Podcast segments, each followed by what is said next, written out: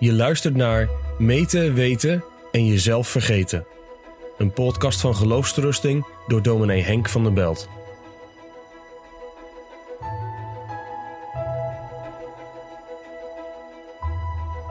Geloofszekerheid is zo mooi. Het is een geschenk van God. Het is ook heel belangrijk dat je als christen zeker weet in wie je geloofd hebt. Dat je mag weten door het geloof op welke weg je bent. Op de brede weg naar het verderf of op de smalle weg naar het eeuwige leven.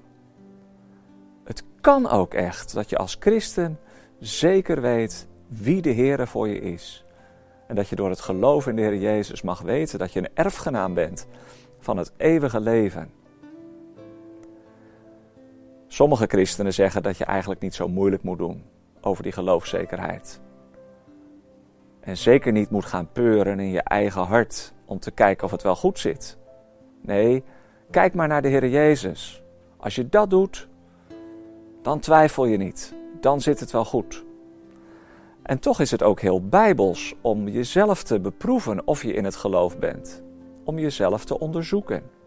Hoe zit dat dan eigenlijk? Maakt je dat niet veel meer onzeker? Kun je dat eigenlijk wel goed doen? Jezelf beproeven? En hoe moet dat dan eigenlijk? Dat is een van de onderwerpen waarover ik een boekje geschreven heb met de titel Meten, weten en jezelf vergeten. Het geheim van de geloofszekerheid. Het eerste deel van het boekje gaat over het meten. Je geloof langs de meetlat leggen van het woord van God. Is dat dan nodig? Nou ja, de Bijbel is wel heel eerlijk. Jezus zegt het zelf. Je kunt jezelf bedriegen. Hij zegt het over de valse profeten, dat ze zullen zeggen: Hebben we niet in uw naam geprofeteerd? In uw naam duivelen uitgeworpen? En ik zal zeggen: Wat een aangrijpend woord van de heiland. Ga weg van mij, ik heb u nooit gekend. Dat zegt Jezus niet om ons bang te maken, maar wel omdat Hij zo eerlijk is, omdat Hij als geen ander weet hoe wij zijn, hoe geneigd we zijn om onszelf te overschatten en ons geloof te overschatten. Zelfonderzoek is een bijbelse opdracht. Maar hoe doe je dat dan? Je geloof meten. Welke maatstaf gebruik je daarvoor? Nou, laat ik daar een paar dingen over zeggen. In de eerste plaats zou ik willen benadrukken dat zelfonderzoek altijd op de vruchten van het geloof gericht moet zijn. Jezus zegt het heel eenvoudig: aan de vruchten kent men de boom. Je moet dus niet dat geloof gaan analyseren of te veel naar je eigen gevoelens kijken. Maar wat is de belangrijkste vrucht? Welk effect heeft het woord van God? Welk effect heeft het geloof in de Heer Jezus in jouw leven? De belangrijkste vrucht is de liefde. De liefde voor God, de liefde voor zijn woord, de liefde voor je naaste. Zoals Petrus bij het meer van Galilea zei: Heere, u weet alle dingen. U weet toch dat ik u lief heb. Daarnaast is het misschien ook wel goed om na te denken over de vraag hoe je zeker kunt weten of je geloof echt is. Dat je daarop reflecteert. Nu is daar ook een valkuil bij. Je kunt te veel op jezelf gericht worden, in jezelf opgesloten raken alleen maar aan jezelf denken. Als je zo gefocust raakt op jezelf, dan vergeet je de belofte van het evangelie als het geheim van de geloofszekerheid. Het is zelfs zo dat je een parallel zou kunnen trekken tussen de filosofie, ik leg dat in mijn boekje wat verder uit, de moderne filosofie en het nadenken over het zelfonderzoek in de kerk. Wist je dat? Misschien ken je die uitspraak wel van René Descartes. Ik denk, dus ik ben. Het was een wending naar het innerlijk. Vroeger wist men zeker van het bestaan van de wereld en het bestaan van God, omdat men begon te denken bij God, bij zijn openbaring, bij de Bijbel.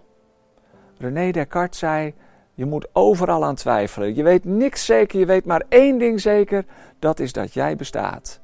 Ik denk, dus ik ben een heel opmerkelijke wending van het uiterlijke, van de zekerheid buiten onszelf, naar het innerlijk, de zekerheid in onszelf.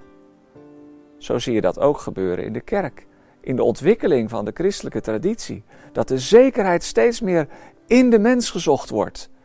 Ik geloof, ik voel, ik bevind en dus ben ik een christen.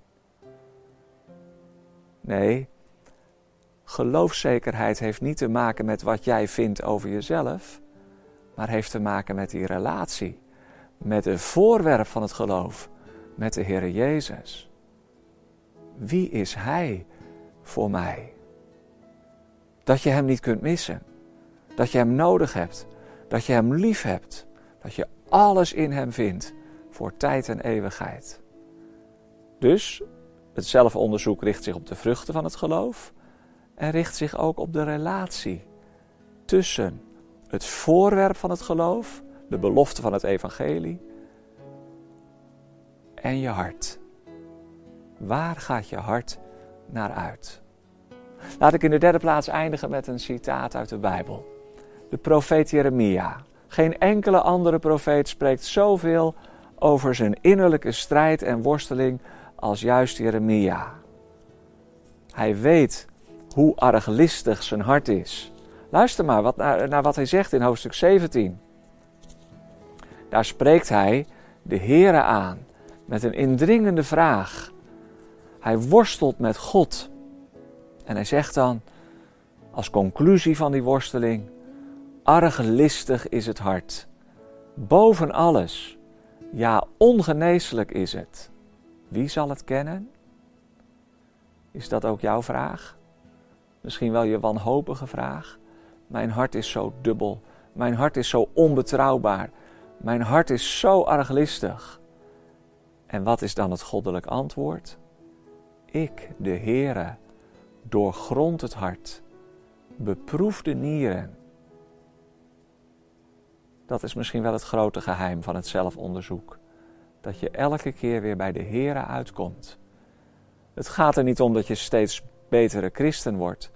Dat je steeds beter over je eigen geloof gaat denken. Dat je steeds meer met plussen en minnen een positief saldo behaalt. Nee, het gaat er juist om bij het zelfonderzoek.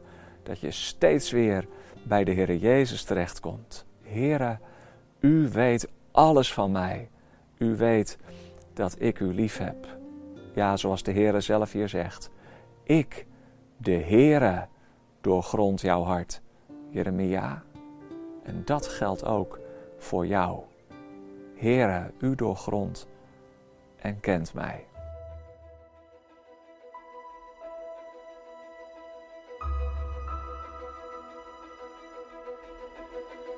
Je luisterde naar een podcast van Geloofsterusting. Wil je meer luisteren, lezen of bekijken? Steun dan onze missie en ga naar de website geloofsterusting.nl.